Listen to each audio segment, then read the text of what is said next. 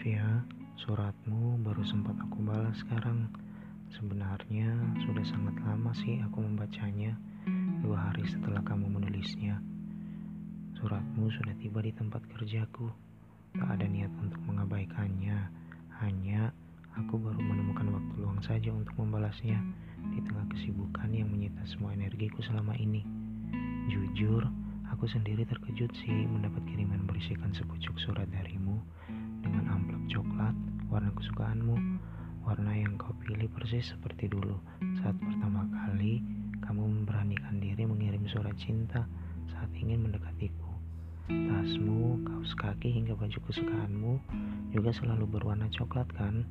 Entah ada apa dengan warna coklat, tapi setidaknya dia adalah cinta pertamamu sebelum mengenalku. Oh iya, aku baik-baik saja kok. Sekarang aku sedang mendapatkan promosi untuk menduduki jabatan baru di perusahaan yang aku tempati. Jabatannya lumayan bagus untuk umur seperti aku sekarang ini. Semoga saja bulan depan hasilnya baik dan aku sudah di posisi itu. Setidaknya satu persatu mimpiku akan menjadi nyata. Kamu juga sukses untuk studi magisternya ya. Oh iya, Jujur saat membaca ceritamu tentang Toraja, seru juga ya alam dan masyarakatnya di sana. Jadi pengen ke sana saat liburan nanti, meskipun susah dapetin liburannya. Hehehe. Aku tahu kamu pasti kecewa kan? Aku tahu pasti kamu terluka dan mungkin belum siap menerima sepenuhnya atas semua keputusanku malam itu. Aku tak bermaksud untuk menyakitimu kok. Kamu itu orang yang baik. Kamu sudah sangat berjasa untuk hidupku. Ya, kamu adalah orang yang selalu di depan saat aku sedang ada masalah. Kamu adalah orang yang selalu setia berada di samping, mengusap air mataku saat aku sedang menangis dan sedang sedih. Orang yang selalu menyemangatiku dengan senyumanmu yang khas. Bisa kok. Kamu juga sangat sabar menghadapi sikapku, layaknya anak kecil yang labil.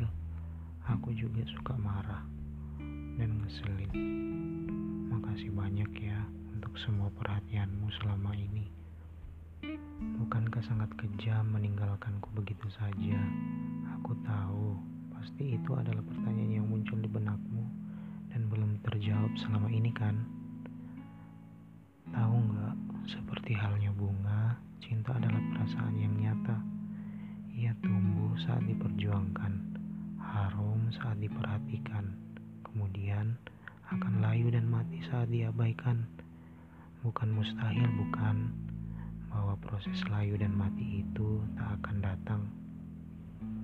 Proses itu tetap berjalan dengan waktu yang tidak bisa kita terka.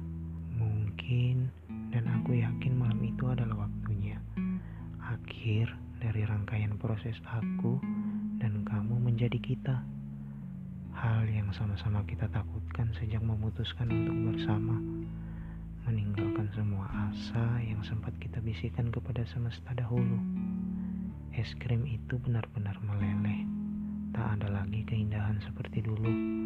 Angin kini telah membawanya berlalu, terbang menjauh. Setiap kematian butuh peratapan begitupun cinta. Kini cinta itu telah mati. Pada akhirnya semua yang tumbuh akan mati. Maka ratapilah sewajarnya, bangun dan berjalan lagi. Kamu pasti bisa kok. Begitu kan cara kamu menyemangatiku dahulu. Kata yang selalu kamu ucapkan saat aku tertunduk lesu dan tak mampu. Mungkin kata kita tak akan ada lagi. Yang tersisa hanya aku dan kamu.